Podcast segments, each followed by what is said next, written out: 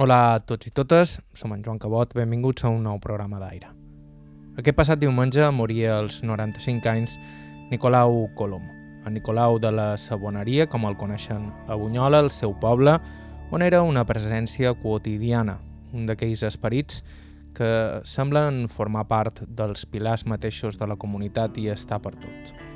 Aficionat al dibuix, les gloses, el teatre, el cant i la música en general, Nicolau Colom era també un home d'una memòria prodigiosa i una bonomia a prova de bombes. Una qualitat que el va convertir en algú estimat per tothom i aquí la gent, com la seva amiga, la mestra i investigadora Bàrbara Suau, responsable de la revista Castellet, visitava gairebé diari per escoltar les seves històries i vivències. En Nicolau ha estat un puntal per la vida cultural de Bunyola, però també per la vida quotidiana era una persona extraordinària, una persona bona persona en tots els sentits. Era senzill, intel·ligent, culte, molt proper, molt positiu i molt actiu. Era una persona sàvia, diria jo. Fins l'any passat el trobaves quasi cada dia a la plaça, assegut un banc, que dibuixava o movia en conversa en qualsevol que se li atracàs i també participava a pràcticament tots els actes culturals. Era també un enamorat de l'art. Va fer teatre, cantava, era un apassionat de la música i tenia una qualitat especial per dibuixar, per fer gloses i per contar per escrit qualsevol cosa que vivia o que li havien contat. Li agradava recordar i escriure anècdotes de personatges populars i antics del poble i em va fer un llibret d'aquesta gent, l'anecdotari popular bunyolí. Uh, record també que durant mesos me va contar per capítols tota la història de la saboneria, la fàbrica de sabó on sempre varen fer feina son pare, ell i el seu fill, en Colau. També ens va ensenyar a fer sabó i també record que contava moltes vegades com va ser la seva infantesa, eh, va anar a escoles de la República i de la Guerra Civil, explicava que va ser cantadora de l'Iglesi, que prenia cançons populars com les tonades del camp, i de molt nin també va aprendre a cantar la Sibilla, que després va ensenyar a la seva neta, que ara és la cantant, Ana Júlia Colom. El diumenge feia de voluntari a la presó de Palma i s'havia fet amic de molt de presors que coneixia i cada setmana me'n solia contar qualque història. Després eh, va fer un llibre de les vivències amb aquests amics seus, els presors de la presó de Palma. Amb ell no només mor un bocinat de la història del seu poble, sinó que també certa tradició del que significa fer poble. I per això avui li hem volgut retre homenatge recuperant l'entrevista que l'any 2018 li van fer. El programa d'avui, homenatge a Nicolau Colom. Estau escoltant aire a IB3 Ràdio, vos parla Joan Cabot. Començam.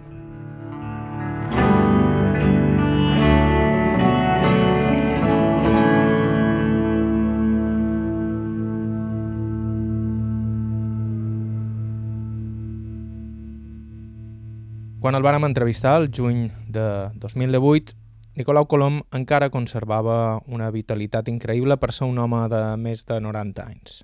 De fet, ens va rebre mostrant-nos les seves aquarel·les i dibuixos, el més antic, el retrat que va fer del poble quan només tenia 14 anys. Això com bé que vos, vos ho comenceu a mirar. Passeig Toni Estarelles, una casa, l'escola. I això és la costa que passa per dalt. I això, i, exacte. I això és el que va, el camí de Calvet. Per aquí se va el camí de Calvet. Això és Camp Mas. Eh? La, la finca. Ah, vale. Ah? Ara pensava que miraven de cap a l'altre. No, no, no, no casa, jo... jo casa això... aquesta ha desaparegut, però ara... No, aquesta casa se n'hi han afegides una tiranga. Ah, clar. Una tiranga aquí i aquí. Eh. No, és, és, és, un, és, és, un, és un dibuixet històric. Aquest dibuix està fet des del quarto de la padrina materna, Margalida Villalonga.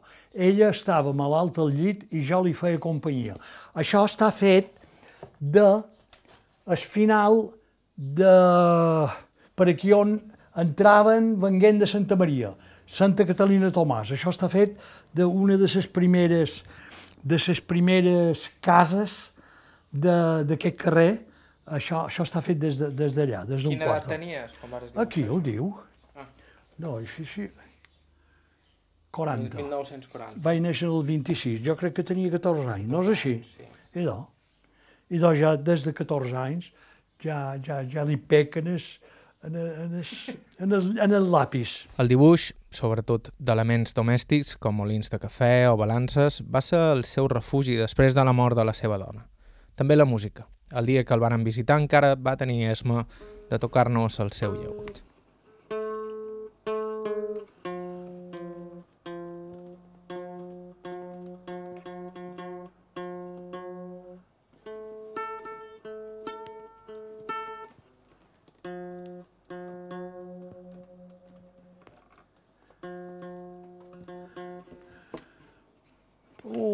Oh, que dimeus! Com que el toc un, un pic cada mes màxim i, i, i el dic no hi van.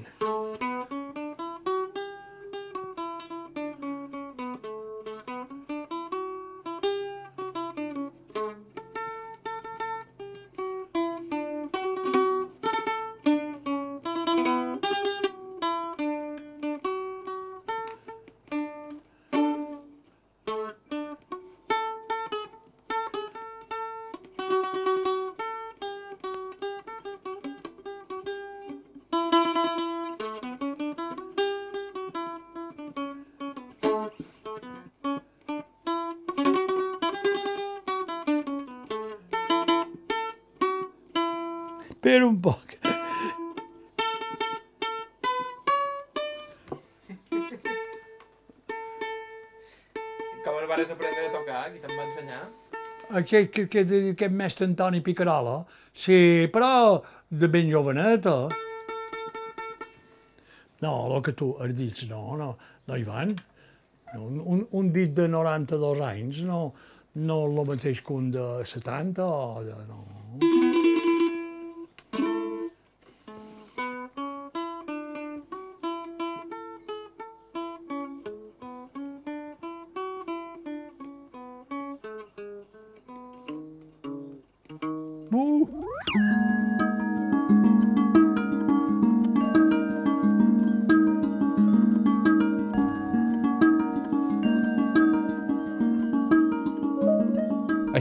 Era Nicolau Colom, personatge entranyable, el seu nom complet, Nicolau Colom Martí. Vaig néixer dia 1 d'abril de 1926.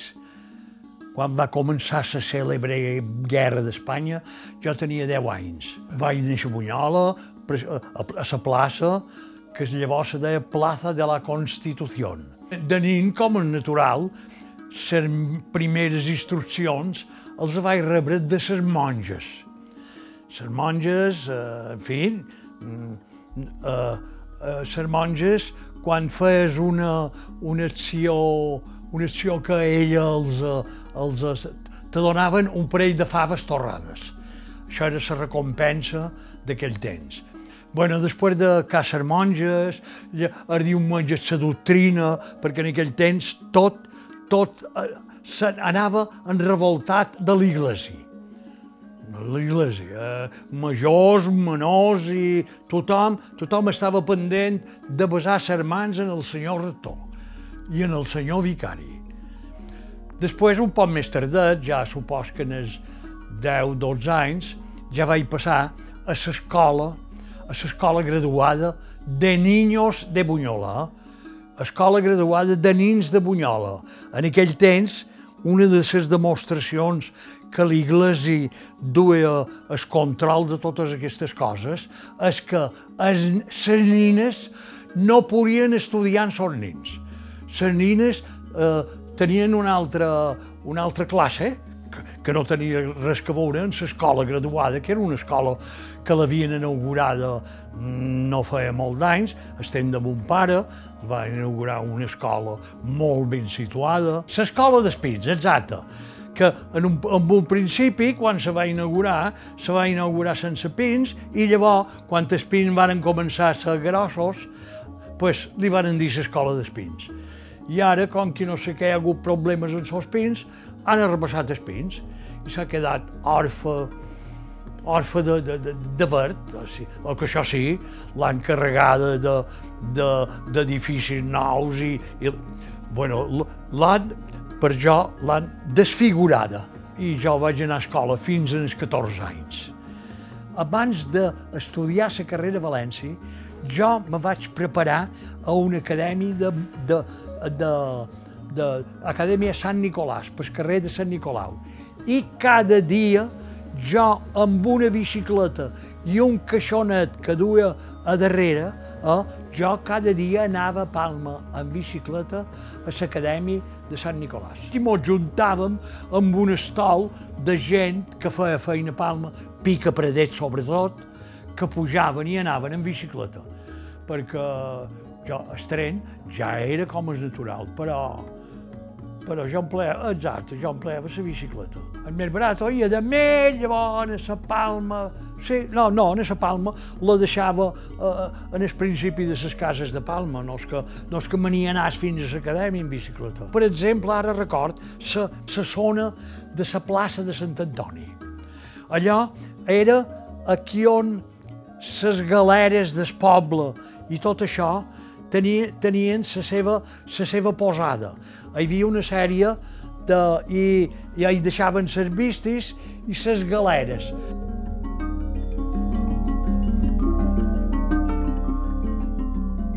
Després de preparar-se a Palma, Nicolau Colom, com explicava, va anar a fer la carrera a València, uns anys que van deixar una gran petjada en ell, que recordava especialment els concerts de la banda de música de la ciutat. Sí, sí, vaig estar cinc anys, cinc anys per València. Jo estava a una casa particular, però, clar, eh, aviat, aviat es, eh, el caràcter valencià i el caràcter alegre, musical, joiós i tot això, a, a, vegades jo, jo el vaig agafar i, i, i, vaig, i vaig estar cinc anys no, no, no, no fent cap activitat artística ni musical, perquè se tractava d'estudiar, però, però d'aprendre moltes coses del valencià, sí i encara ara som un, bueno, un foròfoc que, diu, que diuen ara de, de, del valencià. Eh? I també de la música... I de la música, exacte. I sobretot les bandes, les bandes els diumenges no fallava, el diumenge la banda municipal, la banda municipal feia un concert a uns jardins que hi ha a València que se diuen el, vi, el vivero de vora Salameda i jo era un, un assidu oiente d'aquests concerts.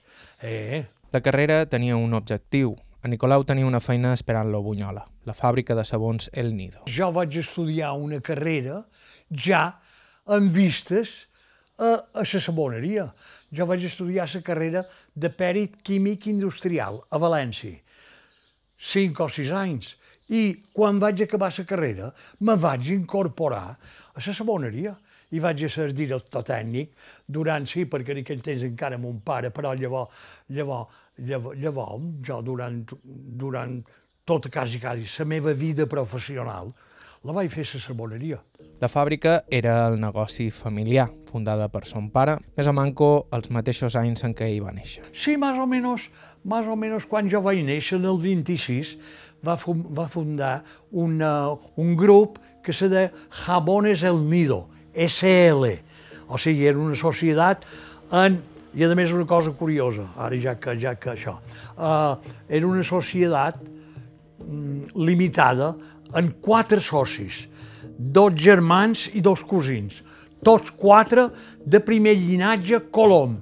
I casualment eh, en, li varen posar el nom a la societat El Nido.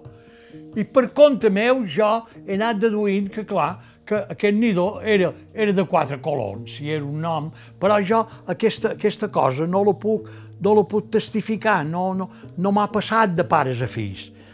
Eh? De manera que sí, teníem la saboneria i primer de tot, com a cosa curiosa, tenien una saboneria antiga eh, a darrere, bueno, darrere una, una finca que se diu Barcelona, eh, i la finca aquesta que hi havia a la saboneria se deia Cana Cul de Foc. No sé per què, No, sé per què, però vau, era un nom, era un nom que jo té moltes coses que fan referència a Cana Cul de Foc i tal i qual. Però, vamos, segueixen el nom aquest, no ha passat a la història, el que, clar, la fàbrica aquesta se va traslladar aquí precisament a de vores Torrent, a de vores la fàbrica de Can Nadal, d'Estúnel, i, i, i en fi, i, eh, però ja en aquella fàbrica ja se feien partides. Això, això és un detall bastant curiós i bastant, bastant, bastant de pes. Partides de 40, de 40 o 50 caixes de barres de sabó, que cada barra feia, no ho sé, 3 o 4 quilos, per exportar a Cuba. De manera que aquella, aquella fàbrica feia feina i sobretot d'aquest tipus de feina i en els guanys d'aquesta producció se va poder comprar un solar i fer una fàbrica nova aquí on ara hi ha 27 vivendes, que això s'ha acabat. A la saboneria també durant la guerra d'Espanya, com que les fàbriques importants de sabó, Mirúrgia i Gal eren a Madrid, eren a la zona, a la zona eh, que diguéssim republicana, pues, nosaltres aquí, durant la guerra d'Espanya, fèiem sabó de tocador per exportar a la part que diguéssim nacional. El sabó sempre s'ha fet a base de dos productes, oli i un àlcali, o sigui, un, un, un, un, un oli que ve a ser un àcid que reacciona amb, un, amb una base, la sosa càustica. O la potassa càustica, segons se vulgui un sabó dur, un sabó fort, pastilles de sabó fort, empleaven la sosa càustica, i per sabó fluix, que és un sabó antiquíssim de Mallorca, però molt antic, abans de que, de que s'usàs el sabó fort, se feia amb potassa càustica. Bé, i el sabó com a natural se fa dins una caldera i a base de calentor que hi sol haver, que nosaltres teníem una caldera de 3.000 litres i una de 7.000.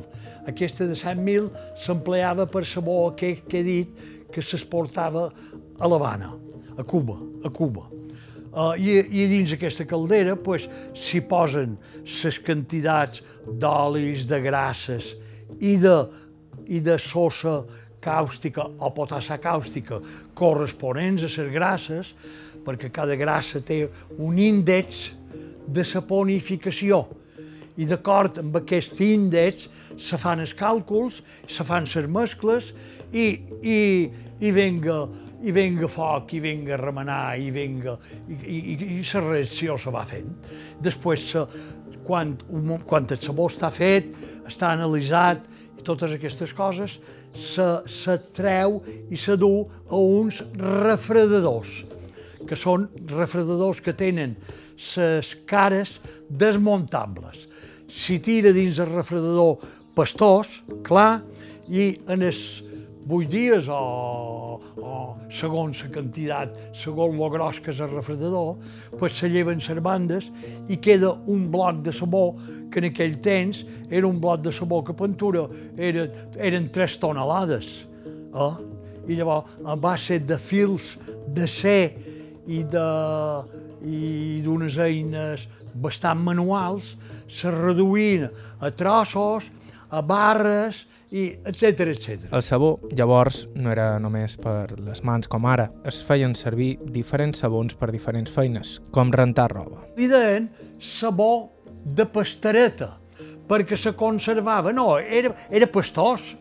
O sigui, permetia que en sa mà s'untassin les taques de la roba i llavors se, llavors, llavors se rentàs. De manera que això era el sabó de pastareta, el sabó i, bueno, i llavors nosaltres aquí durant això vàrem, vàrem muntar, vàrem, bé, jo dic nosaltres perquè mon pare va, va organitzar tot això de la saboneria, vàrem fer el sabó, el sabó de tocador, que el sabó de tocador és un sabó que primer ha estat un sabó normal, amb, amb grasses especials, perquè normalment el sabó que fe, se feia antigament a Mallorca i el sabó fluix basava en sòli d'oliva. Els baixos, el sòli d'oliva no comestible, tot això era la matèria prima pels sabons. Uh, ara, I després, però llavors, quan, quan vàrem fer sabó de tocador, ja vàrem incorporar soli de coco, soli de palma, per donar, per donar espumositat, perquè el sabó d'oli d'oliva dona un sabó però amb poca espuma i poca duresa. I en canvi, en seu, el coco i totes aquestes coses se feien, se feia a base del sabó de tocador i, i en fi, i llavors se va comprar una maquinari per fer, per fer les pastilles, perquè el sabó de tocador és, el primer, feu un sabó normal bo. Després, reduir-lo a porcions petitíssimes per secar-lo, llevar-li tota la humitat i llavors amb unes mescladores incorporar-li amb unes mescladores i unes refinadores de rodillo eh, incorporar-li el perfum i, i el color. I després, amb una màquina compressora molt parescuda a la màquina de fer botifarrons amb un hèlice, pues, aquesta, aquesta massa de sabó seca pues, se comprimia i se convertia en una barra contínua que després se trossejava i se troquelava, o sigui, se marcava en la marca de, de, del Nido o en la marca eh, jamón rosa, jamón verdiflor, jamón gen, vull dir, això són unes marques de sabó que fem, de sabó de tocador. Parla plural, però m'ho de dispensar, però hem estat els únics de Mallorca que han fet sabó de tocador. Pintura fa 25 anys que se, que se va tancar, però durant, des, de, des del 26 fins a tot això, vol dir, eh, hi va haver molt, molt d'anys de, de, de fer sabó. Era Nicolau Colom, Nicolau de la Saboneria, nascut a Bunyola el 1926 i aquí varen perdre aquest passat diumenge. Avui tornem a escoltar l'entrevista que li fèrem ara fa uns anys. En uns segons continuem recordant aquest gran personatge. Estau escoltant Aire a IB3 Ràdio, fem una breu pausa i continuem.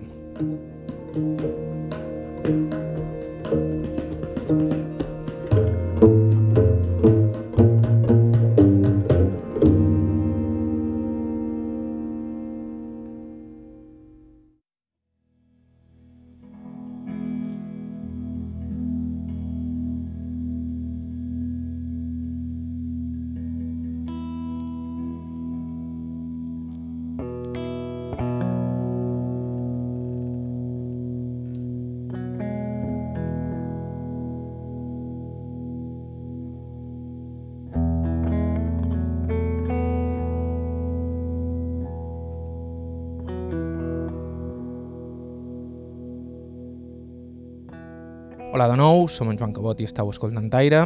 Avui, amb un programa trist, dilluns ens assabentàvem de la mort de Nicolau Colom, Nicolau de la Saboneria, a qui havíem entrevistat ara fa uns anys, un dels puntals de la vida cultural i quotidiana de Bunyola, el seu poble.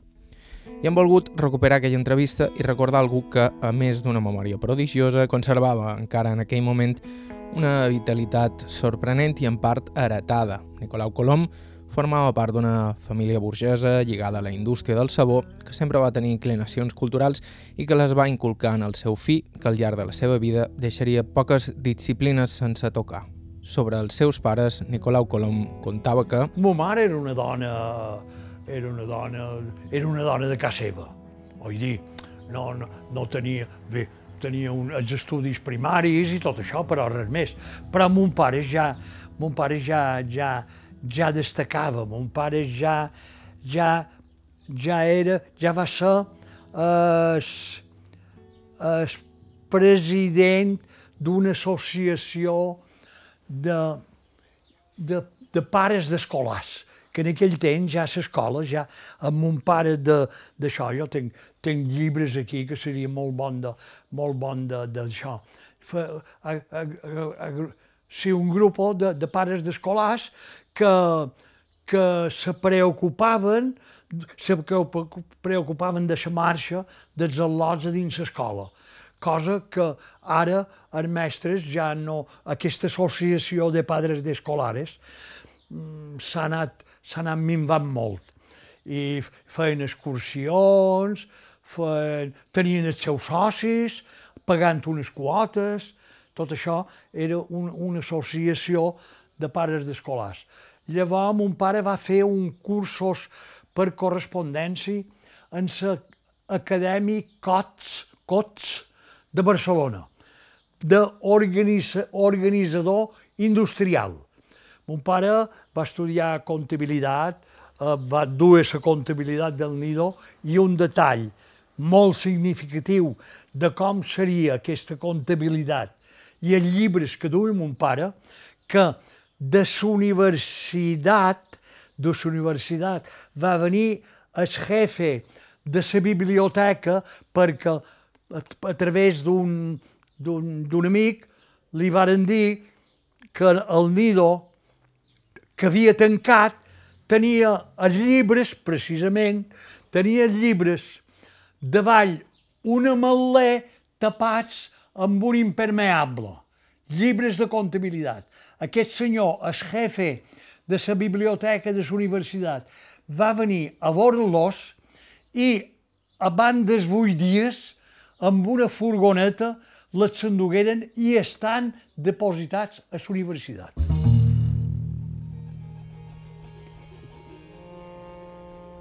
Mon pare ja, ja quan era, quan era jove, quan era jove, formaren una agrupació artística que se deia La Unió. La Unió també en socis, perquè to, en tot el que se posava mon pare hi havia una, un ordre, una disciplina. I els, i els, els dos els dos mm, monitors d'aquesta agrupació artística La Unió eren el metge, el metge d'Antoni Estrelles i mon pare, La Unió, feia obres de teatre.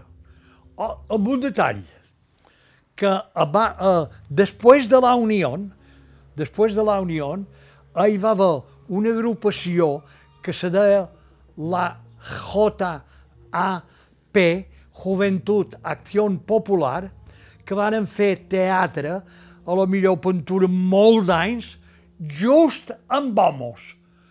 L'església aquí, aquí, des de la trona, el rector des de la trona deia que si les al·lotes s'apuntaven a fer teatre, els arborraria de la llista de fies de Maria. No obstant això, nosaltres joves, nosaltres joves que, que, que fèiem teatre amb homes, amb homes, pues, vàrem iniciar la marxa de que Bunyola per primera vegada les dones pujassin a l'escenari. Me comprens? I, I com ho va acollir, la gent? La gent bellíssim, perquè, perquè estem de mon pare, quan feien una obra, una sarsuela, que havien de menester reforços, anaven a la Palma a cercar dones. De manera que la base del teatre d'homes i dones la, la, la, la, la deu a l'època de la unió de mon pare i el metge Tònia. En Nicolau, a més del dibuix i el teatre, de ben jove ja va començar a tocar també el llaüt, la seva altra gran passió. I, i anava amb una agrupació, amb una agrupació de ball, que m'apareix que li deien Santa Bàrbara. Sí, perquè estem de mon pare, estem de la Unió, ja tenien una rondalla. Jo tenc una foto des, de, des grup que era un grup de, de 16 o, o 15 o 16 músics bandurri, llaüt i guitarra. Nosaltres teníem dos, dos germans, els germans Picarola, Nadal, Nadal Rosselló, que havien estudiat música i eren músics de la banda de regiment de Palma. I aquesta gent, quan se va retirar, pues, se va aferrar a la part musical i, i va armar això, d'aquestes rondalles de guitarra, llaüt i bandurri. Jo vaig aprendre a tocar guitarra i llaüt amb mestre Antoni i mestre Guillem, i llavors això se va anar ampliant, i, i, i, i van tota la joventut, vàrem tenir aquesta rondalla que amb ella hi fèiem les serenates a les al·lotes de Bunyola, el dia de les Verges. I era un aconteixement, perquè, en fi, com tot, anava a dir, com tot el que, com tot el que s'usava en aquell temps, era, eren coses, coses estructurades. Ara qualsevol cosa li diuen un grup i com tal de, de fer, bueno, dire, direm així com mossèn, renou, pues ja va bé, uh, animar, uh, bullici. Però en aquell temps, la gent que venia a sentir les rondalles, ni un pel escoltaven com si fos un concert de, la sinfònica. I corríem tot el poble per, per els escalons i tot això, i era, era, era un dia molt, molt peculiar, molt peculiar. També devia ser el dia per, per veure les al·lotes del poble. Hombre, les al·lotes sempre han estat una mica... En aquell temps eren poc expansives, estaven darrere, darrere la finestra, no goitaven el temps que els feien la serenata. Escoltàvem de darrere la finestra. Eh! I com vos, com vos coneixíeu? Hombre, per la carretera nova, per, per, per, per carrers i tot això, però, sí, però, però, però, vamos, no, no, no, en aquell temps hi havia una disciplina eclesial, eh? Agafem la paraula així com sigui, però rigorosa. Eh, per exemple, la gent quan festejava, festejaven a la, a la, a, en el carrer de Toni Estarelles, que li deien en aquell temps la carretera nova. Però a partir d'una hora determinada, eh, les parelles s'atracaven de cap a la vila i se passejaven ja per dins, per dins el carrer de, Pare Bartomeu, per, eh, encara, no hi havia, encara no hi havia teatre, ni, ni el mercat, i se, i se passejàvem un i avall per aquí. Però, vull dir, i clar, i festejaven d'aquesta manera. I llavors, clar, i llavors, quan, quan el festeig anava un poc en sèrio, el novill demanava l'entrada a la casa. Eh? I en aquest cas, Uh, I en aquest cas uh, a intervenia, ja, ja, a, a intervenia qualque familiar del novill. I anaven a casa, a casa Lota, amb seus pares, i demanaven permís perquè Lot pogués anar a la casa a festejar. Això era demanar entrada a la casa. Ell l'entrada la va demanar a Palma la seva dona Margalida la va conèixer allà, a un hort de la soledat. Jo justament vaig festejar a Palma, a, a, a un hort de, de, de, de per la soledat. I jo no sé si... Jo, jo diria que sí, jo diria que sí. Jo. Ja la memòria, tu diràs, i d'això te, te, te falla la memòria. No, jo, jo crec que sí. Eh? Vol dir que la teva dona és de la soledat? Sí, sí, de Son Güells. Sort estaven a un hort que se deia Son que tenien un molí de vent i aigua i vaques i llet per anar a festejar, perquè en aquell temps jo també tenia una moto BCA, BCA, d'aquelles de depòsit, com, com si fos un boulet. Eh? Però, però jo, els diumenges o, o, o per anar a festejar, anava en el tramvia i me deixava a davant Camp Blau. Llavors, d'allà agafava un camí que me duia a Son Güells, a peu. I com vares conèixer la teva dona? Op, això, això, això no m'ho fuig del cap. Un any a Sant Marçal. En aquell temps, quan nosaltres érem jovenots, hi havia un costum, però bastant arrelada dins Bunyola, de el dia de Sant Marçal o de Sant Pere, anar a marratxir a la parròquia de Sant Marçal adorar sant, a Sant Marçal hi havia les ballaneres, hi havia, anàvem a adorar sant, hi havia les alfabegueres, i, i, i na Margalida hi tenia unes amigues per allà. I un grup de bunyolins mos topàrem amb un grup de lotes I una d'elles va ser la, la meva dona, la Margalida. I, i clar, i el, i el fletxasso, sense haver-hi sense haver fletxa ni, ni, ni arc, va ser aquí a les festes de Sant Marçal. Perquè llavors, llavors va tenir una continuació en les festes de Sant Bernat, que també molta gent de Bunyola anava. Per, perquè era un divertiment per joves. Això de, ser, això de ser verbenes i tot això, eh, era, era una cosa, ja no era una cosa tan popular com era ara. Eh? I, i, i la gent, sí, anàvem a Sant Marçal, a Sant Bernat, i, i, vaig, i vaig haver de començar a, a festejar Palma i, i acabarí. I acabarí, perquè llavors, llavors mos casàrem i llavors vaig, jo vaig anar a viure a Son Espanyolet i llavors finalment finalment, llavors vaig viure a Son Oliva amb tots els, els al·lots. No, els al·lots me pareix que en tingueren quatre al·lots, els vaig tenir a Son Espanyolet.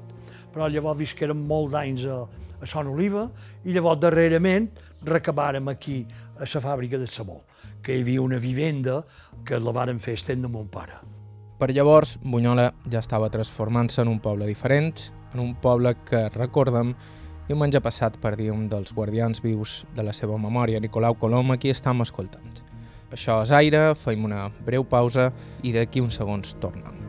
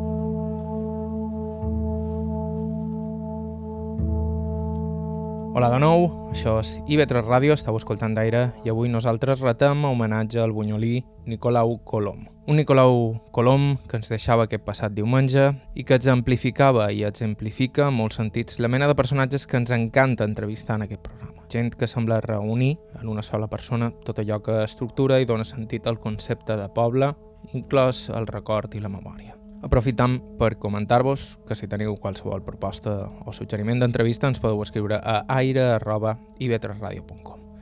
La de Nicolau Colom, que va néixer el 1926, suposa una pèrdua aparentment humil però importantíssima per un poble petit com Bunyola.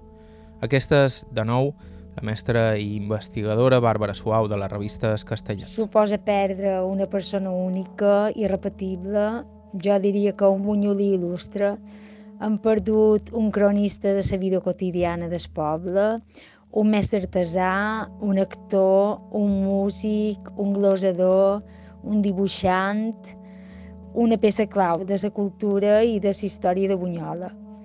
El trobarem molt a faltar, però com feia que sempre ve la part positiva de la vida, trob que hem d'agrair l'herència que ens ha deixat amb els seus escrits, els seus dibuixos, el llegat de la saboneria, les cançons que va gravar o la civila que va ensenyar a la Júlia a la seva neta, entre moltes altres coses més. La seva neta Júlia és la cantant Júlia Colom i la civila la cantava ell quan era nin, un honor importantíssim en aquells temps. Aquí jo de nin de nin, de nin vol dir 8, 9 anys, jo vaig cantar la Sibilla a la parròquia, al tanto.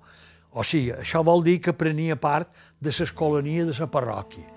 Uh, llavors, més tard, vaig fer molt de teatre, dins del teatre pues, hi, havia, hi havia grupets musicals, llavors se va, se va, se va formar, que jo vaig ser un dels, un formadors, la coral polifònica, jo hi vaig cantar més de 20 anys, i, i bueno, i, i, i, i tota la vida he anat cantant. He, fet, he, he cantat qualque sarsuela en pla, en pla d'aficionat, però en, en cantants professionals. En aquell temps, com t'he dit, teníem un vicari que mos ensenyava cant gregorià, que era el cant oficial de l'Iglésia. De manera que això de la llengua, la llengua vernacle i tot això va venir, va venir molt més tard, però en aquell temps tot l'oficial de l'Iglésia se feia el llatí i cant gregorià. El cant gregorià. El vicari Fundo, que li deien de mal nom, el vicari Rosselló, mos ensenyava el cant gregorià i els altres tipus de cants. I érem, teníem un, una escolania, totes les parròquies tenien una escolania que se cuidava de fer aquests cants en llatí i en gregorià. Uh, uh, com que era una escolania de set o vuit cantadorets, cada any hi havia el problema de triar el millor cantadoret d'aquests cinc o sis o set per cantar la Sibilla. I un any me va tocar jo. I no cantaven les al·lotes, com se canta ara? Ni hablar del peluquín. Ni hablar, però, però és una castellanada que hi pega, hi pega, hi pega la mar de bé. Ni hablar del peluquín, que vol dir dones, a mesclar amb homes amb dones a l'església. No, ten en compte que en el meu temps de, de jovenet, els homes a l'església de Bunyola empleàvem tota la part de, de davant l'església, o sigui, la part preferent l'empleàvem els homes asseguts a un banc de tauló, eh? i les dones duen les cadires de casa seva i empleaven la segona part, la part de, del portal de l'església. Els dissabtes hi havia la doctrina pels infants, de manera que les tres de sort baixa, els al·lots, els al·lots de les cases, molts anaven a l'església i el rector mos feia una catequesis, però amb un detall, que la feia amb una canya de de més dos metres d'altura i un, i, un, i un mapa de Palestina i tot això, i si mos descuidàvem un poc, pues, la canya pues, se topava en son nostres, en son nostre capet. Sí, sense voler, no, però... Casual, però Casualment. oh, casualment. I el diumenge supos que ningú fallava. Quasi, quasi, quasi, quasi ho poden dir així. Hombre, sempre hi havia un grupet d'aquesta gent, però que procurava d'aquesta gent que estem de la guerra estava a casa seva i tot això, per, per por, per por que no els tancassin a la presó, aquesta gent, com a natural, no obligaven ningú, però, però no vulguis saber. Aquest no ho vulguis saber està vinculat a la discreta dissidència d'alguns durant la Guerra Civil. Segons en Nicolau, a Bunyola el Front Nacional va trobar-hi ben poca resistència. gent una miqueta mm, revolucionari i tot això. Jo supos que n'hi havia. Eh, revolucionari no, però, per exemple, eh, socialistes, com, qualque comunista, qualque comunista, però la base de la gent era gent, torno a repetir, de l'Iglésia. I clar, i Ajuntament i tot, tota la gent que, que figurava una mica tot, era gent adepta al règim. I els altres, pues, feien bonda per por de que no els aduguessin a la presó de Can Mi. O sigui, però hi havia, hi havia molt calma absoluta. Jo me record que una de les coses que recordo d'aquell temps era que quan venien els avions de Barcelona a bombardejar, passaven per damunt l'escola i nosaltres, eh, pues, supos que els esquivàvem eh, pel pati.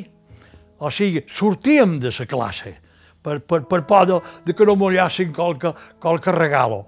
I, i, i, I miràvem com els avions se n'anaven de cap a Palma a fer, a fer la seva.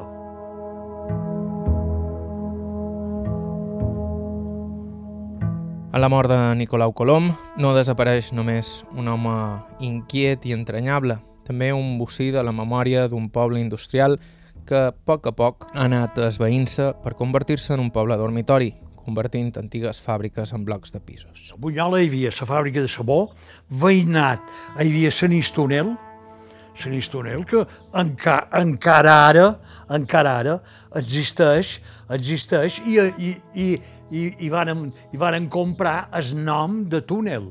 Llavors hi havia la fàbrica dels teixits que feien turnos en pintura hi devia haver, jo no ho sé, però un centenar de dones o, o més que hi feien feina. Llavors hi havia dues cementeres, dues fàbriques de ciment, una de vora l'estació, que li de, no me, no me recordaré, i llavors una altra que en fa que anant a Orient. Aquí nosaltres, a la fàbrica El Nido, estem de la guerra, també fèiem dues jornades, dos, dos torns. La fàbrica dels teixits s'ha convertida en moltes, en moltes, en molt, en, molt, en moltes, moltes, molt de pisos, la fàbrica de sabó en 27, Can Nadal també, bueno, Can Nadal, no, bueno, sí, a Can Nadal els, els, els, els amos nous que ho compraren, que eren de Binissalem, varen fer això que tenim aquí en costat, aquesta finca, i, i, i hi viuen. Les cementeres, pues, no, no s'han no s'han trastocat. Bunyola no ha, la seva fesomia no, no s'ha canviat molt, perquè de part, la part que diguéssim, la part costeruda de, de costes de Bunyola segueix ben igual, eh? i segueix sent per jo la part més important de Bunyola la més, la més típica, perquè aquell, aquell carrers amb escalonades, i on, oh, no se veu, no se veu molt sovint. I en canvi allà ha una sèrie, carrer de la lluna, el carrer del sol, el carrer de, eh, el carrer de l'aigua, tot això, tot això són carrers formats amb escalonades. L'únic que s'ha poblat, per exemple, que després mostrarem aquest, aquest dibuixet que jo tenc fet l'any 40 quan tenia 14 anys, i veurem com l'avenida Toni Estarelles, que és l'avinguda que entren a Bunyola venguent de Santa Maria, només hi havia una casa. Una casa. En aquest dibuixet que vaig fer jo i que el conserv, sabeu perfectament la casa aquesta i en el fons si veu l'escola. He dibuixat tota la vida, sí. I en... D'on va venir aquesta idea de... Oh, pues de mon pare. Mon pare, però mon pare, mon pare va anar, sí, va, va fer qualque classe de dibuix a l'oli. Jo en això no ho he fet mai. Jo sempre he fet coses espontànies, coses a lápis, a carbó, i ara darrerament, darrerament sí, he fet qualque cosa en colors. I no fa molt, per Sant Mateu, el darrer Sant Mateu, vaig fer una exposició de dibuixos a Bunyola, a base d'aquarel·les i a base de dibuixos de 47 portals de Bunyola. Això, aquí jo els tenc ben mostradors, a 47 portals. En aquell temps, a les meves cames encara encara permetien anar per, per el carreró de la comuna i per, per tot, i, i amb una cadireta plegadissa me, me posava davant el portal i el dibuixava. Però sempre aficionat. No, no, no, no, no, no, no, no puc exhibir documents, jo, no, no, no, no, no. Sempre cosa, cosa innata, cosa vocacional, i, i això sí, tot el que procuro fer ho faig amb, un, amb una miqueta de, de mètode i, i d'entusiasme. I res, i així he anat fent i així, i així la gent me considera.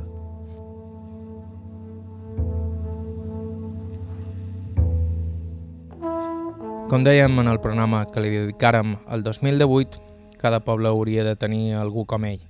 Pensam que, de fet, tots els pobles tenen el seu propi Nicolau. Punyola ha perdut el seu i haurà deixat un gran buit. Aquí el podeu sentir fa just uns quants mesos cantant la tonada de batre per a la seva amiga Bàrbara Suau.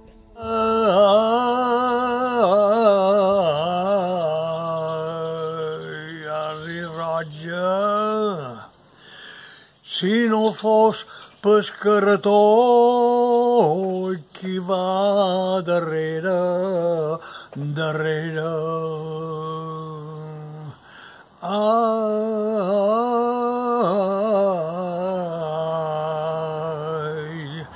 i no hi hauria catsomera que batés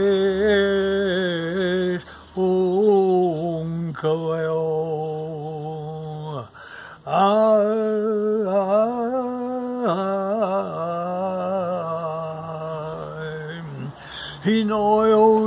catsomera que batés un cavalló.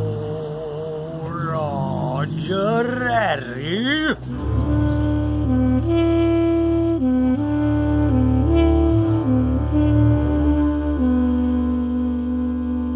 I fins aquí el programa d'avui. Gràcies a Nicolau Colom, sigui on sigui, i gràcies a Bàrbara Suau, com sempre, per atendre la nostra telefonada.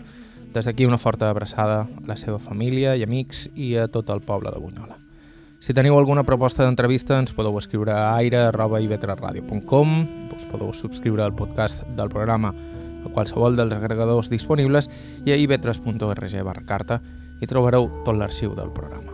La música que ha sonat en el programa d'avui ha estat de Joshua Abrams, Mary Sanderson i Charles Rumbach. Bàrbara Ferrer la producció executiva, us ha parlat Joan Cabot, gràcies per ser a l'altre costat i fins la setmana que ve.